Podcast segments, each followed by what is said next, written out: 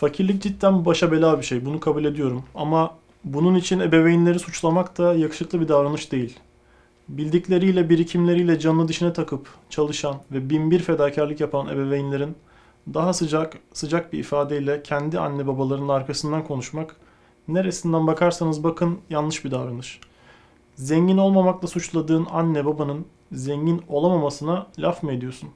Buyur sen zengin ol da görelim demezler mi adama? Buyur sen zengin ol da kendi çocuklarına bırak o dağları taşları. Eskiden bir yerler dutluktu evet ama bugün de mutlaka bir yerler dutluk. Sen bul çıkar oraların nereler olduğunu. Hatta çıkarıp sen anne babana şu an destek ol. Facebook gibi bir şey bulup milyar dolarlık olman da gerekmez. Git bir elektri- elektrikçi dükkanında çırak ol. işi öğren. 5 sene sonra kendi dükkanını aç. işini iyi yap. işini büyüt. Zengin ol. İlla dutlukları keşfe bile gerek yok yani. Bilindik yolları dene yeter. Zaten zenginlik de insanın ihtiyacı olan kadarını rahatça temin etmesi değil mi?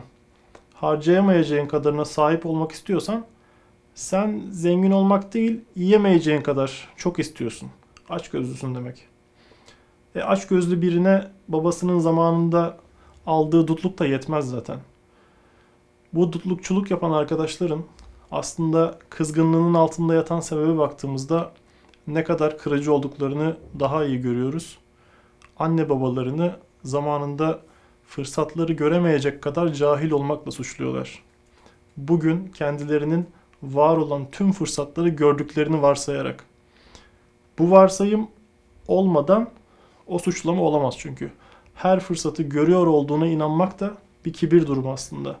Sadece bu kibir durumunun ne kadar içi boş olduğuna bakarak zamanında buralar dutlukmuş ama bizimkiler görememiş diyen insanın aslında ne kadar boş konuştuğunu anlayabiliriz.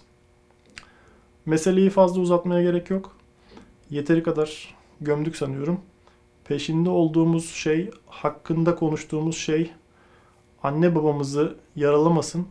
Dikkat edelim. Kırdığımız gönül kainatlara değiyordur da haberimiz olmaz. Aman diyeyim.